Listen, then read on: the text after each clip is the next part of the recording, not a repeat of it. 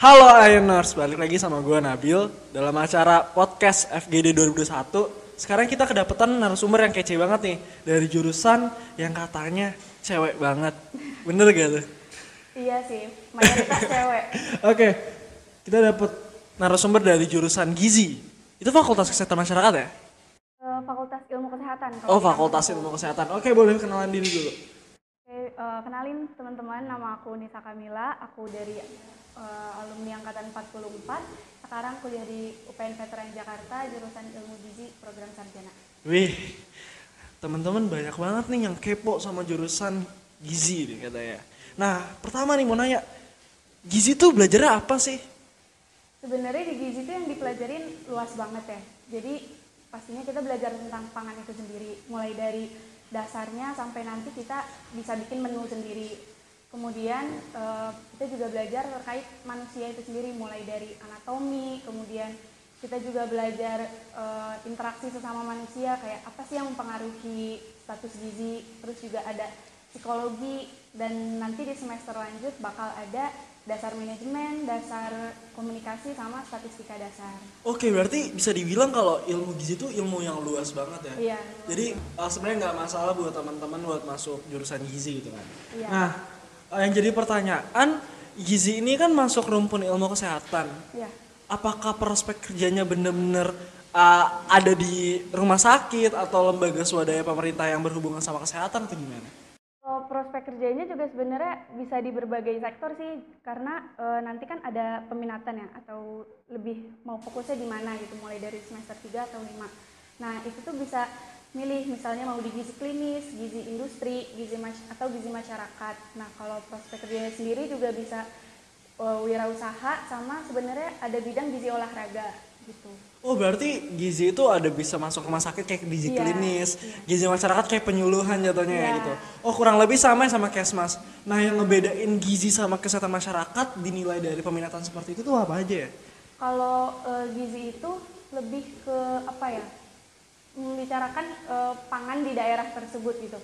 Aku sih kurang tahu ya kalau misalnya kesmas itu spesialisnya gimana. Tapi kalau gizi sendiri dia lebih eh, mengutamakan status gizi yang ada dan gimana eh, melihat di daerah tersebut tuh ketahanan pangannya itu kayak gimana kayak gitu. Oke, berarti kalau di gizi sebenarnya ada praktikum nggak sih?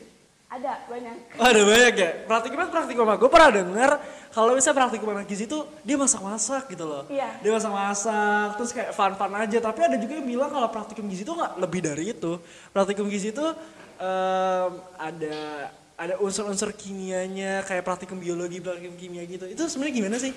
Iya, jadi kalau yang unsur-unsur kimianya itu nanti ada emang ada kimia pangan soalnya. Dan kalau yang masak-masak jadi itu nanti ada eh, kuliner gitu. Misalnya eh, bikin menu kuliner yang untuk mengidap diabetes mellitus 2 misalnya gitu. Nah, itu harus dipertimbangin juga kayak gizinya, kalorinya yang gak bertentangan sama si pantangan diabetes mellitus 2 ini. Dan ada juga praktikum yang eh, anatomi sih sebenarnya cuma kan karena sekarang lagi online jadi nggak bisa dijalanin ya di anatomi itu ya dia sama mempelajari struktur tubuh manusia jadi ya nggak berkisar di makanan aja sebenarnya Oke oke. Berarti kalau sekarang kan kuliahnya lo baru semester 1 ya? Iya. Baru semester 1, kuliahnya masih online. Eh, buat praktikum itu tetap online juga? praktikum tetap online Nah pertanyaannya kalau praktikum online dia kayak masak-masak gitu itu gimana tuh? kalau semester satu sih yang masak-masak belum dapet tapi Oke, tetap ada eh, praktikum bahan pangan jadi eh, aku kasih contoh misalnya apa ya buah misalnya. Kan kalau apel dikupas suka jadi coklat ya. Iya, nah iya. itu tuh dianalisa gitu loh kayak kenapa dia bisa jadi coklat gitu zat apa yang berkurang masih layak makan apa enggak.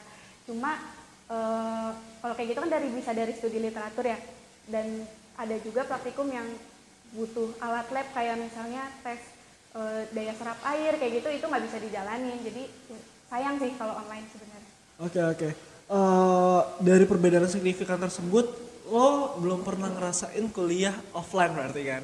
Nah, perbedaan dan cara lo ngantisipasi kemudian ketika lo mulai melaksanakan perkuliahan online tuh kayak gimana?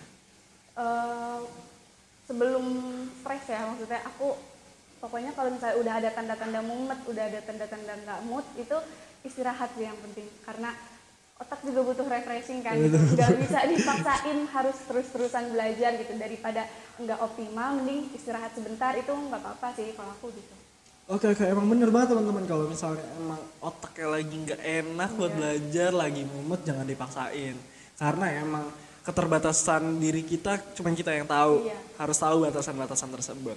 Oke balik lagi ke gizi nih. Gizi kan berarti ilmu eh, untuk mengukur kadar gizi dalam sebuah bahan pangan yang prospek kerjanya luas banget bisa dalam rumah sakit, klinis tadi, masyarakat juga dan lain sebagainya. Nah, sebenarnya menurut lo gizi itu penting gak sih dalam dalam dalam kehidupan masyarakat ini? Seorang ahli gizi, alumni dari sarjana yang ngambil uh, majoring in gizi itu penting gak sih dalam kehidupan masyarakat? Eh, penting karena eh, status gizi itu sebenarnya apa ya dia yang menentukan SDM itu baik apa enggak. Kalau misalnya gizi yang sekarang lagi tinggi itu stunting kayak anak yang enggak yang pertumbuhannya itu nggak baik. Nah itu tuh sebenarnya berpengaruh juga ke otak. Otaknya itu juga nggak tumbuh ke optimal. Jadinya eh, SDM yang dilahirkan pun ya nggak maksimal gitu. Bener-bener banget. Gue sering banget sekarang baca berita tentang stunting karena stunting jadi hot issue loh saat ini di Indonesia. Nah berarti peran dari anak gizi terhadap stunting itu sangat besar. Nah coba dong gue mau tahu langkah konkret apa yang biasa anak-anak gizi lakukan untuk mencegah atau melakukan preventif terhadap uh, isu stunting tersebut. Wah, jadi kalau em, aku kan masih mahasiswa ya. Kalau misalnya di kampus aku sendiri itu kita udah mulai banyak eh, ngadain penyuluhan-penyuluhan. Jadi ada yang namanya desa binaan. Nah di desa itu kita eh, melakukan apa ya, penyuluhan yang informatif dan edukatif buat eh, rumah tangga di desa tersebut gitu. Kayak eh, makanan apa sih yang harusnya buat seribu hari pertama perkembangan anak kayak gitu. Dan untuk eh, di masyarakat luas kita em, membantu apa ya menyebarkan informasi-informasi yang sebenarnya itu banyak banget informasi yang beredar itu yang hoax gitu. Yang sebenarnya dianggap baik tapi enggak gitu. Sebenarnya tuh itu justru jangan dilakuin atau sebaliknya itu kita eh, lebih menyebarkan edukasi aja sih. Oke oke. Berarti emang uh, penyebaran informasi itu Iya. emang sangat diperlukan apalagi untuk mahasiswa yang sebenarnya belum bisa bergerak secara langsung Iya. banget karena keterbatasan ilmu tentunya. Nah kalau di gizi kan tadi uh, ditanyain mengenai uh, upaya yang dilakukan untuk kehidupan di masyarakat. Nah kalau untuk bertahan sendiri di ilmu gizi nih itu sebenarnya matkul semester satu tuh sulit banget ya sih? kebetulan banget di pas di tahunan aku kurikulumnya itu ganti jadi ada mata kuliah semester 2 yang ditaruh di semester 1 Wah Iya, mantap. lumayan Terus gitu. Yaitu eh, anatomi, anatomi fisiologi. Itu lumayan ribet sih, lebih ribet daripada biologi manusia. dapat biomedik gak sih? Eh, biomedik dapat di semester selanjutnya. Mantap. Itu selamat menyaksikan biomedik. Terus kayak eh karena emang banyak ya kurikulum baru sekarang. Jadi kadang kalau kita looking for di internet nggak ada nggak ada Iya, mata kuliah iya. tersebut gitu loh. Ta- dan pas udah masuk baru ketemu mata kuliah tersebut. Emang harus benar-benar cari informasi. Makanya nih teman-teman kita harus dengerin nih podcast FGD karena berguna banget kan. Oke tadi sebelumnya di UPN Veteran Jakarta. Nah di UPN Veteran Jakarta tuh namanya punya stereotip sendiri tentang anak-anak gizi. Yang lo pernah denger atau gimana gitu? Kalau dari gue, gue pernah denger anak UPN Jakarta tuh eh, nggak deh anak gizi commonly pada banyak yang uhti pertama, kedua cewek semua, ketiga anak-anaknya asik, cuman kadang ada yang nerd kayak gitu kan. Iya. Kan ada orang yang berpikiran seperti itu. Nah kalau di lo sendiri, walaupun lo belum pernah ketemu tatap langsung nih sama teman-teman lo, itu gimana sih? Yang paling banyak pikirannya itu anak gizi itu ambis. Pasti banyak banget yang bilang kayak karena eh, Masuknya anak- susah ya? Iya, anak gizi itu sebenarnya rata-rata dari kedokteran juga hasilnya gitu. Kayak misalnya eh, rata-rata tuh pilihan satunya kedokteran, pilihan keduanya gizi gitu. Makanya banyak yang bilang eh, ya itu anaknya pasti yang kerjaannya belajar terus gitu kan orang misalnya kedok mau kedokteran kayak gitu sebenarnya yang enggak gitu juga gitu kita biasa aja gitu kenapa belajar lebih karena Emang pengen dapet sesuatu yang Iya, diinginkan dan gitu ya? Beda-beda sih tergantung orang jadinya lebih di stereotipin aja sama orang-orang Oke oke. Selain itu ada lagi? itu yang cewek semua sebenarnya ada cowoknya Cuman. cuma dari satu angkatan cuma enam orang Wah mantap. orang Kemarin gue waktu angkatan gue di keperawatan gue, ini keperawatan bisa cewek ya? iya Keperawatan gue itu kemarin cowoknya cuman tiga orang. Iya, emang kesehatan rata-rata kayak Emang kesehatan rata-rata Iya. gitu ya, kecuali kayak rumput FK mungkin ya. Iya, FK, Kesmas itu cowoknya masih banyak. Oke oke. Berarti emang buat cowok-cowok sebenarnya nggak perlu takut kan ya masuk Iya, gizi. nggak apa-apa. ada yang salah kan ada ya? yang salah. Nggak ada yang salah karena prospeknya pun luas sebenarnya. Iya. Cuman yang justru kalian bakal lebih enak gak sih ketemu cewek-cewek semua gitu kan? Gak gak bakalan cringe gitu ketemu Iya. cowok terus. Oke, yang gak suka atau kaget ketika lo masuk gizi itu apa? Ada gak? Em, ada sih, kimianya banyak banget. Jadi, Oke. jadi di eh, semester 1 ada kimia dasar, terus nanti ada kimia pangan, ada biokimia, dan kimia-kimia lainnya itu ternyata lebih banyak dari yang aku bayangin sebelum masuk gitu. Apalagi guru SMA kimia gitu ya. Hmm. Oke, buat teman-teman yang mau ngambil jurusan di dalamnya banyak materi atau mata kuliah yang mungkin banyak kimianya, emang harus banget latihan kimia karena ya gue rasain sendiri ketika kita kita dari SMA ke kuliah tuh kaget, shock. Iya, iya. Kita nggak pernah belajar tuh kayak kimia organik kan, apalagi lo Iya, ada iya. biokim kimia kimia tadi itu ba- pasti banyak banget unsur kimia bio eh, kimia organik dan iya. ketika SMA apa sih yang kita dapat gitu kan? Iya. Emang harus bener-bener belajar ekstra, apalagi yang ikut UTBK yang sekarang katanya UTBK-nya udah ada, gak TPS aja udah ada TKPA-nya. Itu harus bener-bener belajar banget sih. Eh, kalau lo sendiri nih, lo tuh pengennya gimana? Maksudnya lo lulus dari ilmu gizi itu pengen jadi apa? Apa kalau emang berencana mengambil eh, gizi klinis kah atau berencana ngambil gizi masyarakat atau lo pengen kerja di perusahaan multinasional atau luar negeri bahkan itu gimana? Eh, target setelah lulus sih sampai sekarang aku masih mau ngambilnya gizi klinis. Jadi eh, mungkin ya ruang lingkupnya bakal di rumah sakit rumah sakit aja sih ahli gizi gitu. Tapi ada pertimbangan juga gizi industri karena eh, gizi industri itu kan industri sendiri terus berkembang ya cakupannya juga lebih luas. Saingannya sih sama tekpang sih kalau misalnya gizi industri. Gitu. Cuma ya mau juga buka usaha gitu kayak misalnya nutrition, dietitian kayak gitu sih. Amin amin semoga teman-teman yang nonton bisa ngamenin juga biar cita-cita dari Kak Nisa nih ya kalau apa bisa tercapai. Oke, kalau di ilmu gizi nih selama lo sta- eh, satu semester ini kuliah, ada gak sih orang-orang yang berpikir kalau oh gue ini salah jurusan nih, atau bahkan diri lo sendiri sempat berpikiran untuk salah jurusan? Hmm, enggak sih, enggak ada. Karena eh, sebenarnya kalau sebelum masuk itu harus kan harus dipertimbangkan baik-baik juga ya. Dan tetap aja di lapangan itu nggak ada yang tahu kayak gimana. Tapi kalau dari aku sendiri dan lingkungan-lingkungan aku, alhamdulillah nggak ada yang merasa salah jurusan sih. Karena kita juga enjoy gitu. Karena emang pengen pertama Iya. dan udah niat juga ya. Iya dan di gizi itu sebenarnya banyak banget hal yang bikin apa ya kita amazed sendiri gitu kayak oh jadi gini gitu jadi kita bisa enjoy dan bisa asik sih belajar. Wih, tuh teman-teman. Terusan nih kakak Gisnya ngomong kalau emang nggak ada yang harus dibebankan gitu Iya. lah ya dalam eh, masuk dalam ilmu gizi apalagi masih semester 1 kenapa harus bebanin Dasar banget kok. masih dasar banget jadi nggak ada nggak nggak salah sebenarnya lo ngerasa salah jurusan gitu kan tapi sebaiknya lo pertimbangin lagi alasan awal kenapa lo bisa masuk jurusan tersebut kenapa lo niat masuk jurusan tersebut kenapa harus kampus itu Iya. atau bahkan kan nah kalau misalnya eh, belajar ilmu gizi kan dia sistemnya blok apa SKS SKS. oh sistem SKS ya beda sama ilmu kesehatan lainnya Iya, ya? Nah kalau SKS kan artinya sistem kredit semester ya Iya. Nah satuan kredit semester. Nah SKS di gizi itu dia udah dipaketin sampai lulus atau ngaruh IP-nya sampai jadi ngambil eh, SKS berdasarkan eh, indeks prestasi kamu. Eh, kalau di kampus aku sendiri semester 1 sama semester 2-nya dipaketin.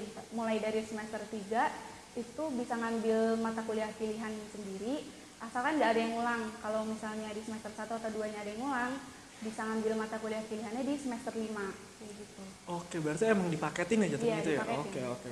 Berarti sebenarnya kalau masuk gizi UPN itu nggak perlu khawatir untuk Iya. eh, lulus gak tepat waktu lah nggak istilahnya karena emang sistemnya paketan. Iya, paket. Pasti lo 4 tahun tuh pasti pasti Iya, kekejar gitu iya. kan karena paling ya belajar aja lah ya Iya, gitu kan. Karena emang eh, SKS yang didapat pasti jumlahnya segitu bahkan Iya. 24 full gitu. Iya. Untuk semester depan eh, udah ada udah ada eh, matkulnya gak? Maksudnya udah udah pasti ngambil berapa SKS? Kalau semester depan kan semester 2 masih dipaketin aku. Mulai ngambilnya semester 3. Oh kalau semester 1 paket juga kemarin berapa SKS? Eh, dua dua apa kan Oh, lumayan. Oh, uh, gue kira kayak kalau kedokteran kan 24 ya full ya Iya, dia. Ternyata kalau gizi itu nggak seberarti itu, Iya, masih dikasih uh, keringanan lah 3 Iya. SKS karena 3 SKS itu lumayan berat, Cok. Iya, Lumayan alhamdulillah banget dikurangin kan. Oke, oke. Eh, sesi satu kita udah selesai, kita bakal lanjut sesi 2. See you buat teman-teman. Halo semuanya, balik lagi ke gua Nabil di dalam podcast bersama narasumber yang kece banget yang udah disambung sekarang ilmu gizi. Sekarang kita masuk ke sesi 2 di mana kita udah ngehimpun question dari siswa SMA Negeri 1 Cibinong berjumlah 432 pertanyaan yang kita himpun jadi pertanyaan-pertanyaan berkualitas yang menurut kita emang bener-bener dibutuhkan untuk anak-anak SMA Negeri 1 Cibinong. Nah, pertanyaan pertama, Kakak tuh masuknya SNM, SBM atau mandiri? aku SBM Wih, anak SBM nih. Pertama suruh nanya nilainya berapa? Kurang ajar banget ya kalau gue nanya langsung. Dulu belajarnya gimana sih buat bisa nembus SBM? Apakah lu, ah kak gue bikin ini dulu nih, bikin tulis-tulisan di di di papan Oh, tulis iya, di iya. buku, tujuan gue, terus ah, belajar berapa kali sehari itu gimana sih? Eh, kalau aku sendiri sebenarnya persiapan SBM itu disambi sama persiapan kedinasan dulu jadi dua-duanya itu aku kebut di satu waktu gitu Oke oke. cuma eh, kalau tips belajar sendiri aku tuh belajar jangan sampai stres gitu karena pokoknya menurutku tuh belajar stres tuh percuma dapet capek doang gitu jadi kalau misalnya udah capek tuh aku sering sebenarnya kalau udah capek break dua hari atau tiga hari. Atau enggak aku eh, belajar bareng sama teman-teman. Dan paling penting sih buat ngenalin cara belajar kita sendiri. Kayak aku bisa belajar itu kalau di tempat yang sepi. Atau enggak aku bikin notes notes kecil catatan kayak gitu. Aku tulis ulang. Itu sih eh, paling jadi kayak lebih mudah diingat aja gitu.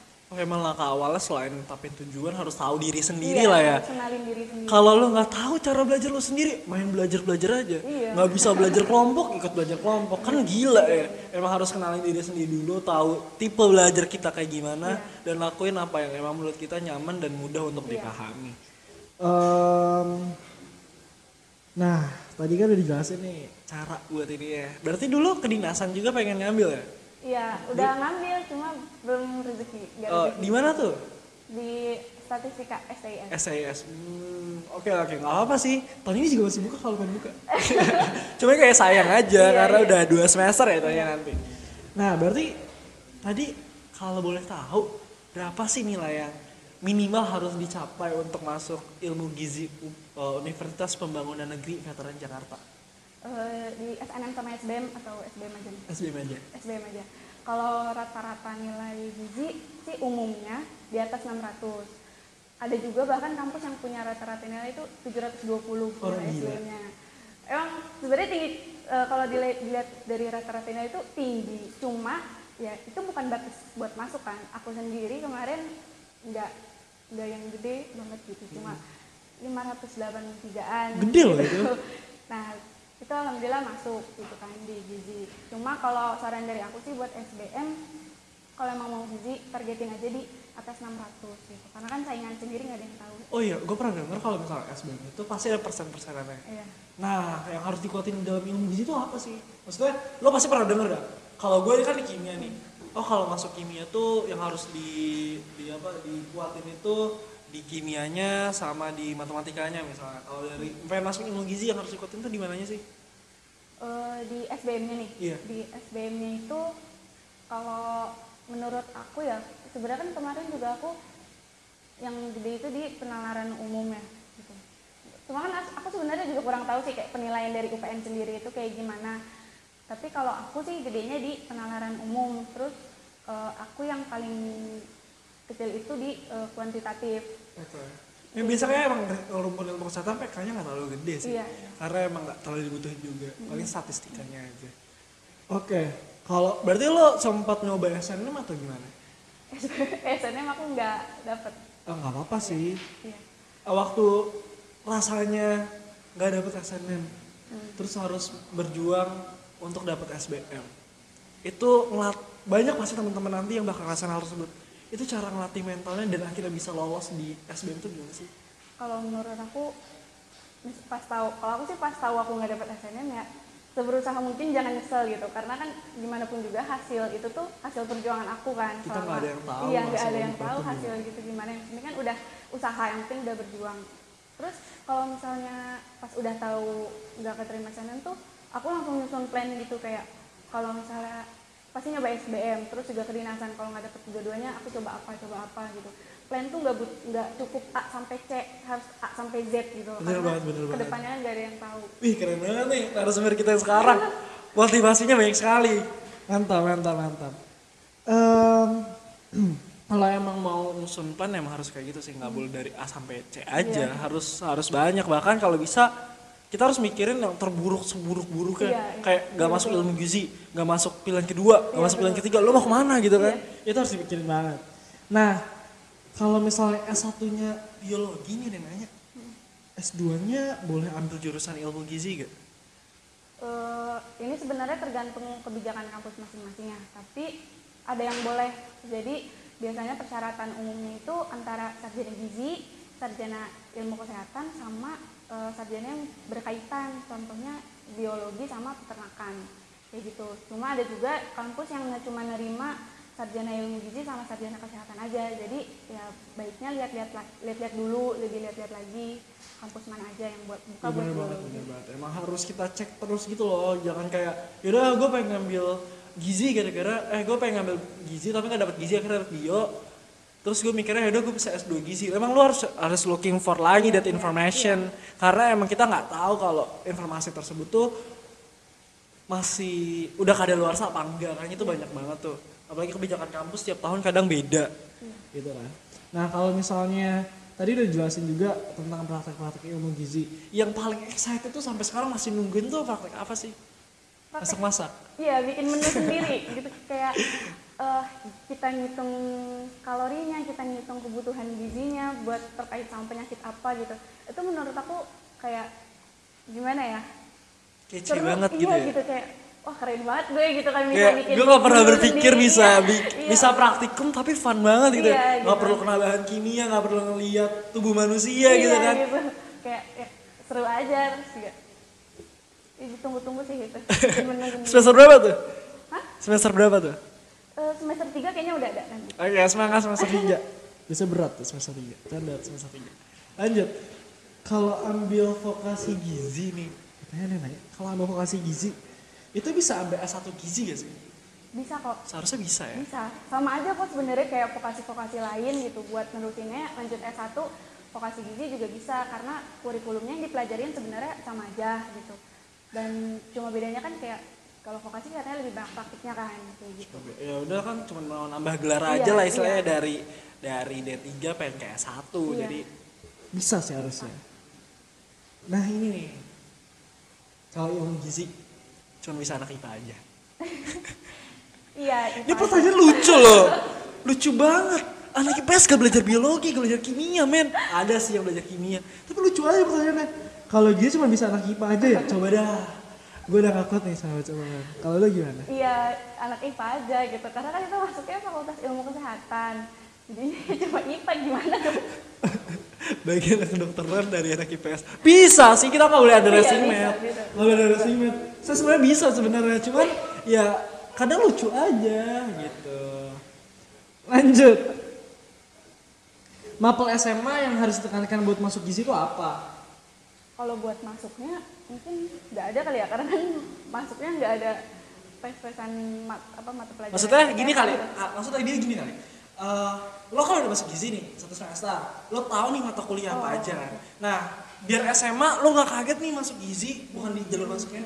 Itu lo harus eh, kuatin di apa? Eh, di biologi sama kimia yang pasti gitu karena eh, di biologi nanti banyak ketemunya lagi kayak ada patofisiologi, anatomi dan lain-lain. Kimia juga yang tadi udah aku sebutin itu ada kimia pangan, biokimia biar sebenarnya nggak begitu pengaruh sih. Maksudnya pelajaran SMA tuh Nggak nggak banyak yang diulang di perkuliahan gitu. Cuma biar lebih familiar eh, jadinya nggak kaget gitu kayak sama bahasanya istilahnya kayak gitu. Dapat matematika gak? enggak Wih enak banget gitu. Nah kebetulan nih guys, yang ngehindarin kim eh kimia, yang ngehindarin matematika, tapi suka banget biologi, tapi harus perhatiin kimianya ya. Iya. Itu lo sabi banget masuk gizi karena matematika itu gak ada. Kemarin gue ngobrol-ngobrol juga sama anak-anak kesmas, kedokteran. Itu nggak ada tuh mereka yang punya uh, mata kuliah matematika. Tapi saya enak itu ya nggak ada matematika. Enak banget. Iya enak banget. Kayak damai. Menambahkan banget gue Iya. mendengar gak ada matematika. Seneng banget gue denger. Kapan gitu ya. Alhamdulillah berarti emang gizi itu gak ada matematikanya. Nggak Paling statistikanya dasar doang Iya, gitu ya. statistika dasar sih paling cuma kayak buat analisis data aja. Nah itu emang harus karena emang bahkan sekarang analisis data nggak perlu kita ngitung sendiri gitu kan. Kita punya Microsoft Excel, Iya. we have our our own computer. Kenapa harus capek-capek gitu ngitung kan capek. Gitu sih. Em, tadi ditanya juga, berarti teman-teman lo rata-rata 600-an semua ya? Iya, kurang lebih mungkin. Soalnya banyak yang tadinya dari kedokteran juga, jadinya kan lebih tinggi mungkin ya. Emang cuy, sumpah. Gue tuh kalau ngobrol sama anak-anak eh gizi, kesmas, kimia, bio, terus apa lagi ya? Eh, eh, FKG bahkan, farmasi, itu banyak banget anak-anak yang buangan kedokteran kan. Iya. Sebenarnya bersaing sama anak-anak yang dulunya ambis kedokteran itu su- berat gak sih? Eh, kalau yang namanya saingan itu pasti berat ya. Nggak harus dari nggak harus karena mereka anak kedokteran atau gimana. Kan setiap orang itu menurut aku ada usahanya masing-masing kan. Kita nggak usah nggak usah lah banding bandingin kayak "Ih, dia mau kedokteran gitu gue bukan gitu. Yang nggak usah mikir kayak gitu yang penting usaha aja semaksimal mungkin sebaik mungkin gitu. Karena kan hasil tetap nggak ada yang tahu gitu Oke oke. Terakhir banget ya. Susah gak belajar di gizi? Hmm, sejauh ini enggak gitu karena Oke. karena eh, apa ya mungkin karena semester satu masih dasar gitu dan kalau susah atau enggaknya itu kan relatif dan menurut aku kita harus tahu sih cara biar bisa enjoy belajar gitu gimana dan tujuan kalian masuk ke gizi itu apa gitu loh jadinya eh, ilmu yang dipelajarin itu nggak terasa jadi beban paling kalau misalnya pelajaran yang susah itu ya anatomi sih anatomi sama kimia Mantap mantap. Berarti emang teman-teman gak susah belajar Enggak gizi. enggak. Bisa masuk gizi. Bisa. Yang susah tuh masuk kimia, canda kimia. Terakhir. Terakhir. Eh, ada gak yang mau disampaikan buat orang-orang sama satu Cibinong yang emang ngebet banget nih masuk gizi? Hmm, yang pasti semangat terus gitu jangan jangan berhenti usaha karena apa ya di saat kalian lagi misalnya lagi males-malesan gitu bisa aja ada orang yang udah lagi lari gitu lagi- ada orang yang lagi usaha mati-matian gitu Ketika lo cuma duduk ada orang Iya, lagi jalan. iya. Ketika lo lagi jalan ada orang lagi lari. Ketika lo Iya. lagi lari orang naik motor. Emang susah hidup tuh. Iya dan kalau misalnya sebenarnya kalau kalian mau males-malesan, mau rebahan gitu ya, boleh aja silahkan tapi jangan nyesel gitu. Apa pun keputusan yang keputusan yang kalian buat sekarang atau nanti, saran aku cuma jangan nyesel dan apa pun hasilnya percaya aja itu yang terbaik buat kalian saat itu. Wih, mantep banget tuh, teman-teman. Jangan nyesel tuh katanya. Jangan nyesel emang guys. Jadi ilmu gizi itu salah satu ilmu yang banget diminati, banget gitu. Amat diminati sama anak-anak eh, sekolah menengah atas bahkan SMK. Karena emang salah satu jurusan yang prestisius. Untuk ngedapetin itu semua, lo harus punya mental yang kuat, lo harus punya tujuan yang jelas, lo harus punya kapabilitas otak yang sangat baik. Oleh karena itu lo dituntut untuk terus belajar, dituntut untuk tahu sebagai segimana besar kemampuan lo. Karena masuk ilmu gizi itu nggak cuma tekad, tapi juga ditentukan oleh otak sama tujuan awal. Dan jangan lupa untuk ibadah, karena ibadah adalah kunci Betul, dari betul segalanya ketika lo udah masuk, eh, lo pengen masuk dalam suatu jurusan. Terus juga ketika kalian mem- memantapkan diri untuk masuk suatu jurusan, kalian harus tahu tentang hal terburuk yang akan kalian dapatkan. Jangan sampai kalian terlena dengan tujuan awal malah memikirkan hal terburuk yang bakal kalian dapetin karena semua itu ada ada nilainya Iya, iya. dan ketika lo dapet kegagalan atau dapat ke- kebaikan lo bakal dapat value dalam diri lo dan lo bakal menghargai hidup lebih baik Iya. lagi so teman-teman jangan lupa untuk terus berusaha jangan lupa untuk terus beribadah tahu value dalam diri dan semangat untuk ke depannya sekian dari gue Noval dalam podcast sama ilmu gizi thank you banget Nisa Iya, atas sama-sama. segala cascisnya mengenai jurusan gizi. Gue thank you banget udah mau datang. Semoga sukses di ilmu gizi, lulus tepat waktu dan jadi sarjana yang lo inginkan. Amin. Oke balik lagi ke kita nanti di podcast-podcast selanjutnya. See you guys.